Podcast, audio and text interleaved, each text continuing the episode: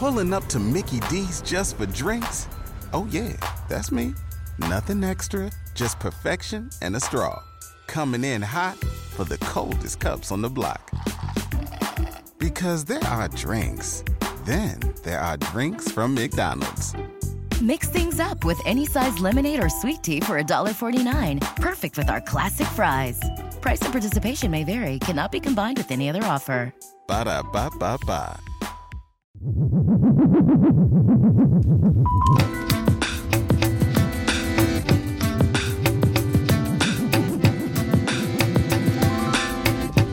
O tempo da conversa desta tarde eh, contamos nos nosos estudios con Santiago Parra, que é o director do Centro Oceanográfico da Coruña do Instituto Español de Oceanografía e o acompaña o seu compañeiro Joaquín Valencia, que é axudante de investigación no mesmo centro.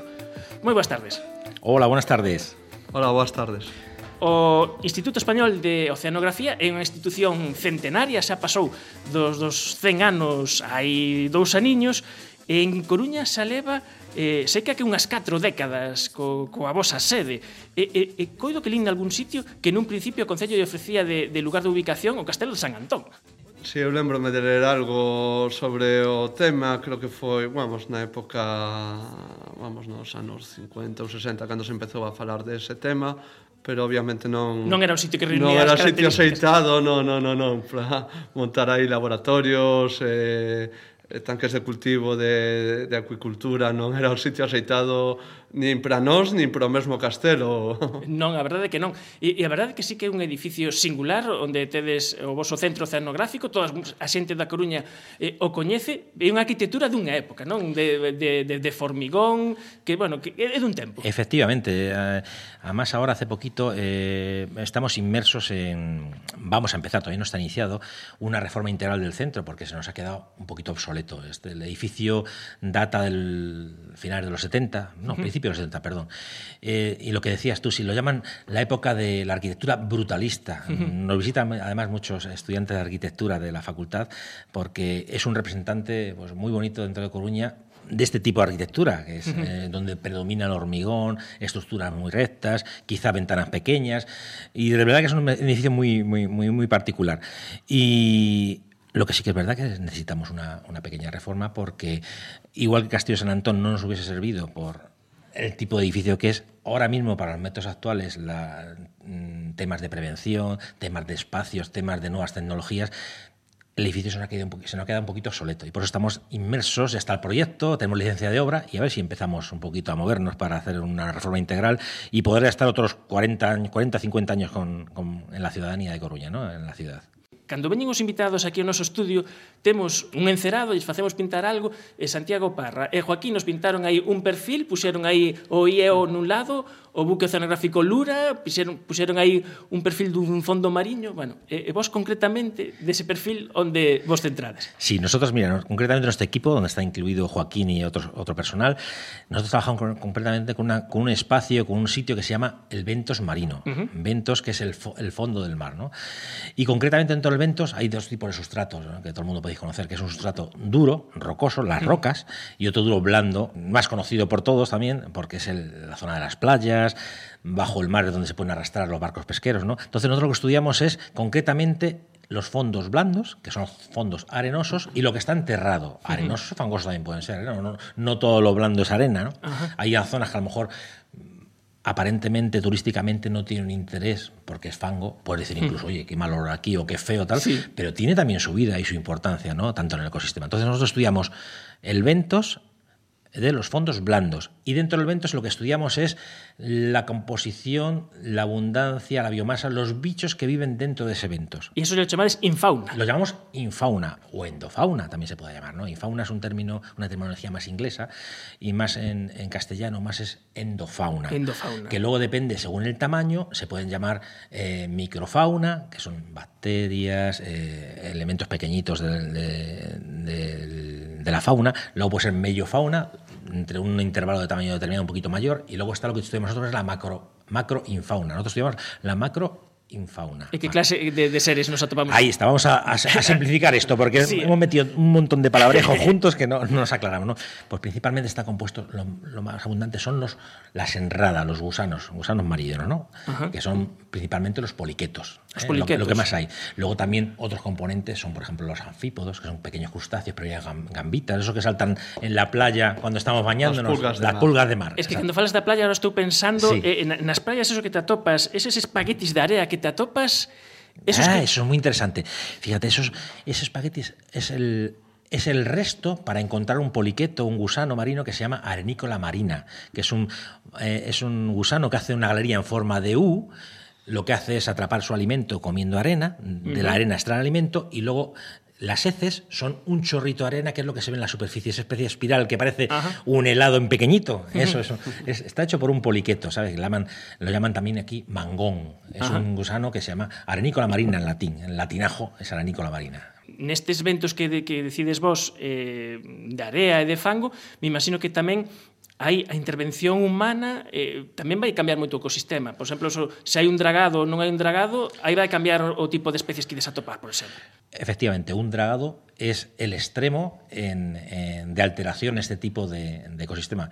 Un dragado lo que hace es defaunar la zona. Lo que se hace es sacar toda la arena para conseguir mayor dragado para que los barcos puedan pasar. Entonces, ¿qué se hace? Ese sedimento de repente los, de- los quitan la fauna completamente. Entonces, nosotros, nosotros y otros equipos que trabajan con lo mismo, lo que hacen, lo que suelen hacer es ver la evolución de cómo esos sedimentos que se han quedado sin fauna, cómo se vuelven a colonizar, que primero vienen los organismos que son los oportunistas a, a colonizarlos, luego unos que son más de ciclo diga, un poquito más largo, etcétera, etcétera, hasta que se estabiliza la población. Hay trabajo sobre el efecto, sobre ello. Y luego tenemos otras alteraciones más drásticas todavía en estos fondos que son pienso sobre todo con el tema de los vertidos, ¿no? que también Ajá. se afectan mucho. Hay unos sedimentos, por ejemplo, siempre se, se- lo oirás muy comúnmente, "Ah, este sedimento en el puerto, el agua del puerto y el fondo del puerto está contaminado, está, no tiene fauna. No es que no tenga fauna, es que solo está la fauna que aguanta ese nivel de, de degradación, de contaminación. Hay unos puertos que están más contaminados que otros, otros están en buen estado. Eh, Y eso es un poquito lo que estudiamos nosotros. ¿no? Con el vertido accidental marejeo también nos pasa lo mismo. Hubo un vertido accidental, llegaron hidrocarburos a, a la costa, a la ría de Coruña, defaunó la zona, muchas especies murieron, algunas aguantaron, pero la mayoría murieron, y luego pudimos, ver, gracias al monitoreo que teníamos antes, monitoreo es eh, un muestreo que hacíamos periódico, sistemático, a lo largo de los años, pero gracias a lo que teníamos datos antes, vimos el efecto que causó el, Claro. el vertido del marejeo, y podemos ver su evolución, que a los tres años, por ejemplo, volvió la comunidad a sus estados normales, ¿no? El momento de, de- de- vertido es el momento eh, clave donde las comunidades se estropean, se, alteran y tarda un tiempo en recuperarse. É, é importante eh, ter en conta que eh, o vosso importante é no centro oceanográfico, pero un traballo importante é sair, que é cando saides, cando facedes as vosas campañas oceanográficas, o que sería equivalente ao traballo de campo, e saides, eh, eso é a peza fundamental para logo ter eh, material de estudo. Sí, efectivamente. Nuestra herramienta de trabajo es el barco. Tenemos que ir al barco, que es donde tenemos nuestras muestras. En los barcos cogemos las muestras que luego vamos a analizar en el laboratorio para, eh, para hacer nuestros estudios. ¿no? Entonces, ¿cómo se cogen las muestras? Las muestras se consiguen mediante días de barco, días en el mar. Estas campañas pueden ser desde una salida de un solo día, con un cierto equipo, un muestreo, ya pues una red de planta, pues una red de arrastre, puede ser una draga para coger sedimentos, un, un correntómetro para medir la corriente, puede ser desde un día hasta un mes, 30 días, 40, dos meses.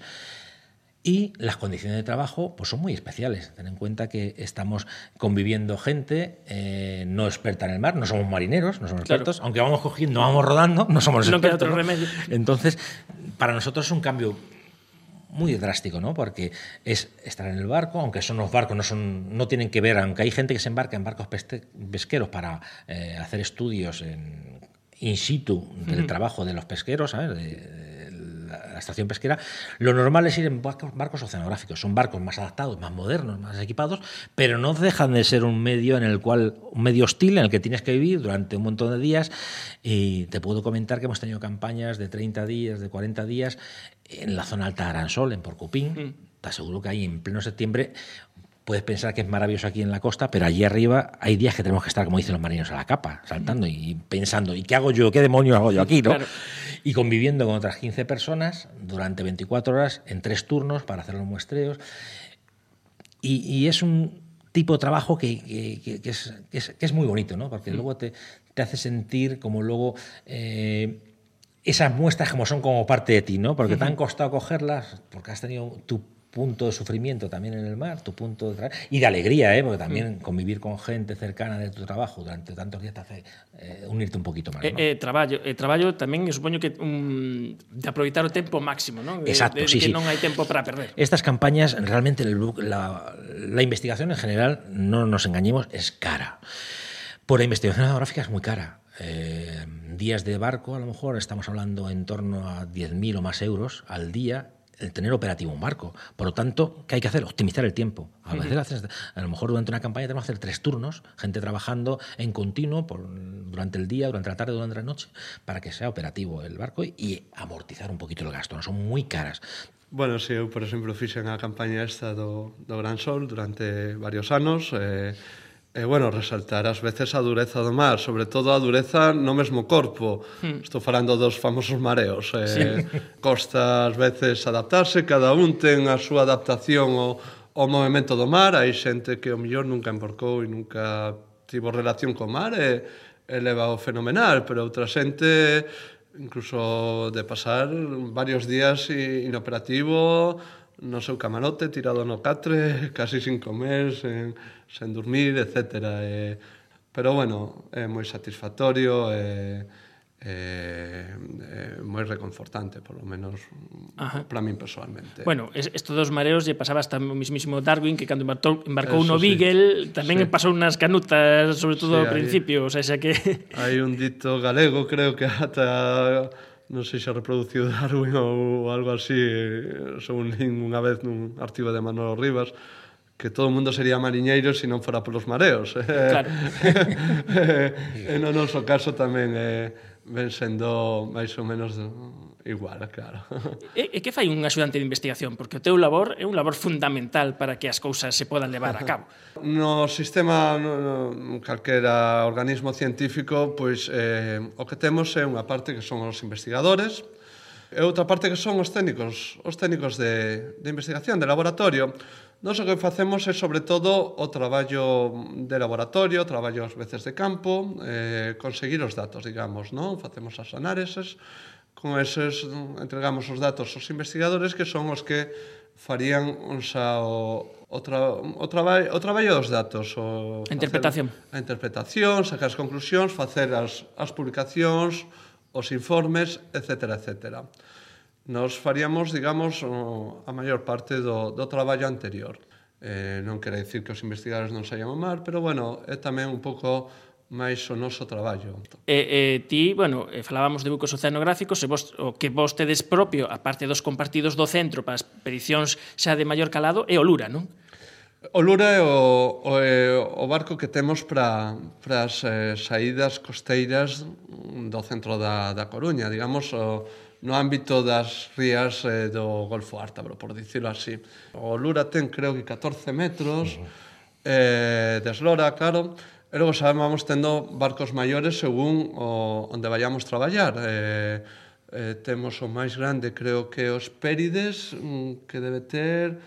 Si 87. No, si, 80 e pico metros, que o Pérides é un barco xestionado pola Armada que vai a Antártida.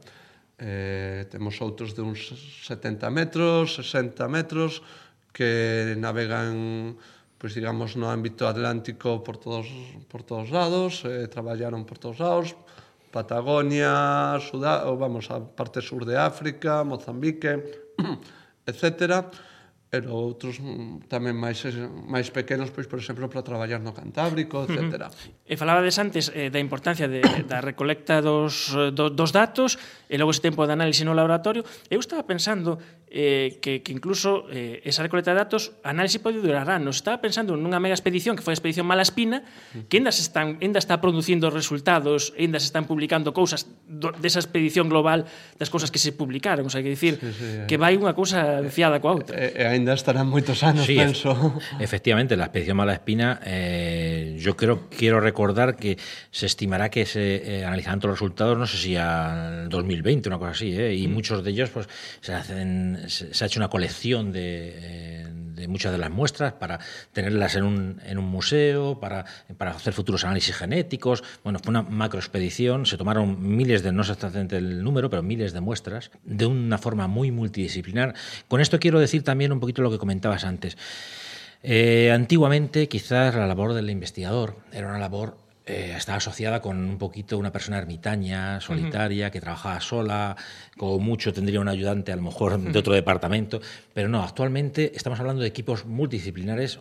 Un investigador que funciona solo es raro, lo más normal es que funcionen varios investigadores juntos, con varios equipos asociados juntos de eh, ayudantes, estamos hablando de muchas personas, de- incluso cada vez es más de forma internacional, equipos de España, de Francia, colaborando en grandes macroproyectos, ¿sabes? Para conseguir financiación y para que los estudios sean eh, pues, con un objetivo más global y más importante. ¿no? O sea, que el investigador aislado y tal es una figura que cada vez más difícil de encontrar, más extraña y lo que se exige es la colaboración. Y por supuesto, la gente que hay debajo de la investigación, no investigadores grandes, no solamente ayudantes de investigación, auxiliares, también tenemos un personal administrativo, en temas de papeleo. La verdad que los barcos, todos los barcos funcionan con personal, que es desde patrones, capitanes de buque, a todos los marineros, mecánicos. Es, O sea, cada muestra cuesta mucho dinero, lo que te comentaba antes. ¿eh? Y, y, ahí, o mellor agora, empeza a haber tamén un cambio de, de modelo ou cara a futuro a idea de, de facer unha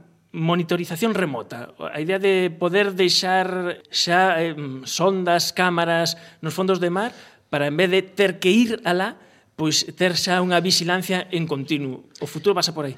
Sí, el futuro seguro vas a por ahí, sobre todo por dos motivos. Uno, por eficacia, Imagínate tener un muestrador, un sensor de cualquier tipo, de temperatura, de luz, de, de cualquier cosa, que esté funcionando 24 horas al día. Empezar la cantidad de datos que puede ofrecerte ese. Abaratamos costes, porque luego esos, estos, estos datos de ese sensor, si te lo puedo enviar vía tu móvil, vía satélite, vía correo electrónico, imagínate, datos online, no tienes ni que ir allí a muestrear. Por tanto, ahorras en coste de personal de muestreo, en, en el barco que vaya allí con todo su personal a recogerlo, a descargar los datos, lo va emitiendo y cada vez va por ahí el futuro. ¿eh? Re- reducir mucho los costes, el mover un barco, lo que te comentaba antes, es un dineral tremendo. Y a lo mejor el mandar un, estos pequeños gliders que hay ahora, pequeños O sea, los aparatos gliders- que van teledirigidos. y- Los claro, ser, serían os equivalentes no mar aos drones. Algo así, más o menos. Sí, sí, sí, sí. Verían sendo, ¿no? Es lo mismo. Completamente autónomo, le, le marcas tú las coordenadas, donde tiene que mostrar, qué tiene que, variables tiene que medir y te manda los datos eh, a tu móvil. Es mm. increíble, verdad? El avance da técnica es... Ver, ir rebaja costes, está claro, cada vez máis. Pues, hai moitos anos que están traballando satélites mm. eh, obtendo datos oceanográficos, eh, eh, cada vez incluso consiguen obter datos eh, eh, parámetros novos, como por exemplo, unha cousa que me chamou moita atención é como conseguir eh, datos de salinidade, eh, da cantidade de sal mediante satélite e, bueno, ainda está un pouco experimental, pero está bastante avanzado ese tema. Ajá. E unha cousa que en, no voso centro, no centro oceanográfico da Coruña, eh, vedes cada vez máis importante, eh, de eso, de casi unha década para aquí, é eh, abrirse a sociedade e contar as cousas que estades facendo, en primer lugar, eh, a xente máis próxima, a cidade de Coruña e do entorno, e dar a coñecer eh, o voso centro, mesmamente físicamente, abrindo as portas cada ano, deixando que a xente eh, vos vaya a visitar, e ademais, un éxito total. Sí, la verdad que sí, yo... mira, eh, yo creo que la apertura a, a la ciudadanía con el tema de la divulgación, yo creo que debemos llevar aproximadamente unos nueve años de una forma más activa, iniciándose con lo primero una jornada de puertas abiertas que hicimos. No, no, no, primero fue una participación el Día de la Ciencia en la calle y luego fue seguida al siguiente año por una jornada de puertas abiertas. Desde entonces hasta ahora vamos viendo, fíjate, es curioso, una progresión ascendente siempre en el número de visitantes, pese a que no tengo más espacio. O sea, que el centro es lo que es, el espacio, la esplanada que tenemos delante es la que es y tal, pero sí que observamos una, una, una cada vez mayor afluencia. Y otra cosa curiosa es la fidelización, que está tan de moda esa palabra. Nos repiten todos los años, yo pienso, pero estos señores no se aburrirán que contamos todos los años lo mismo. Xa, xa, xa. Pues no, ¿eh? Hombre, también es verdad, tengo que tirar tengo que ah, una lanza a favor a todos los colaboradores que tengo aquí, Joaquín es uno de ellos. Eh, sí que es verdad que nos esforzamos todos los años por meter algo nuevo, añadir algo nuevo, pero pese a todo, la base siempre es la misma. Sí, pero eu penso que aí o éxito está na experiencia. O sea, estás dando a xente unha experiencia que, tío, mellor podes ver un documental, pero non é como vivilo, o sea, decir, eh, estar sí. aí, eu penso que pode ir por aí a cousa. Sobre todo é o trato moi cercano. Mm. Eh, en todos os, os postos que facemos durante ese día de portas abertas, sempre hai, como mínimo, unha persoa que explica explica pois, eh, que é ese aparato, eh, eh, que é unha estrela de mar, que fai, é unha esponxa, un, explicando un experimento. Non é que simplemente circulen os, o público por distintos módulos, sino que hai unha persoa aí directamente explicándolles E iso eu penso que é o que máis agradecen. E hai unha cousa que me chama a atención, que é eh, o, o final desa sonada a liberación do acuario, o mar. ah. Explicade eso, porque me parece que eso explica moitas cousas. Eso, eso de dicir, vale, vemos aquí unha bichería, pero ahora vai ao seu sitio. La verdad que eso é toda unha parafernalia, ¿eh? porque non solamente... Eh, también tengo que contarte la parte inicial. ¿eh? La parte inicial, bueno, en esta actividad, eh, en la jornada Puerta Abierta estamos, participamos unas 20 personas del centro, ¿no? Eh, Joaquín, pues bueno, es quizás la, la voz visible de, de, todo el equipo que coordina toda la parte de, del personal que, que, que colabora. Y empieza con dos o tres días antes ya hemos organizado cuál es la marea más baja, ya saben cuál es, y nos vamos a la playa a recoger los ejemplares, previo permiso con la Asunta, vamos a recoger ejemplares vivos. Los mantenemos en el pantanal del, del buco oceanográfico, los mantenemos vivos en unas redes, es una especie de cestillo y tal. Al día siguiente montamos el acuario, metemos los ejemplares, están todo el día, los estamos todo el día mareando con los chicos que bueno, lo pasan increíble, chicos y mayores, ojo, ¿eh? Sí, que sí, yo sí. la cara de felicidad que se ve también los adultos Sí, cuando sí, sí. tocan una estrella de mar, cuando tocan un erizo, un erizo irregular que nunca han visto, un erizo que vive enterrado en la arena, que nunca lo han visto, un chafarrocas, que es un pez que vive pegado a las rocas por debajo, que tiene una especie como de ventosa, que es increíble, unos coloridos, una galatea, cuando ven a los adultos también. ¿Y esto existe en nuestras aguas? Digo, sí, esto lo, hemos cogido en Oza. Y algunos ni se lo creen. ¿eh? Y luego ya el espectáculo es al final del todo, cuando digo, bueno, llega el momento de la liberación de los ejemplares, porque no se nos muere ninguno, allí están. El que se muere es raro, alguno puede morir, pero es raro. Pues hay que liberarlos. Y nos ves este año, yo siempre lo intento hacer al final, Joaquín y yo lo intentamos hacer al final, Sí. cuando queden menos niños y menos padres para no montar mucho follón. Pues este año se debió correr la voz del año pasado y éramos atravesando, tenemos una pequeña carretera por delante para pasar al, al, Club Náutico y nos ves allí cerca de 100 personas atra atravesando la carretera con niños allí. Tuvimos que hacer turnos para bajar al pantalán y que nos fuesen echando todos adiós. Fue espectacular, eh? a todos os nenos polo menos un exemplar para que os soltaran, eh, bueno, a, a, sobre todo a esa cara de felicidade tanto dos nenos como dos pais. E dos padres haciendo fotos allí arriba. Muy bueno, bonito. pero un exemplo tamén eso, de respeto, de, de respeto, sí, siempre, de respeto sí, ao ambiente, es decir, vamos a estudiar, pero vamos a respetar. Por suposto. Pois despedímonos con esta mensaxe. Eh, conversamos esta tarde con Santiago Parra e con Joaquín Valencia do Centro Oceanográfico da Coruña do Instituto Español de Oceanografía. Gracias a vosotros. Moitas gracias a vostedes.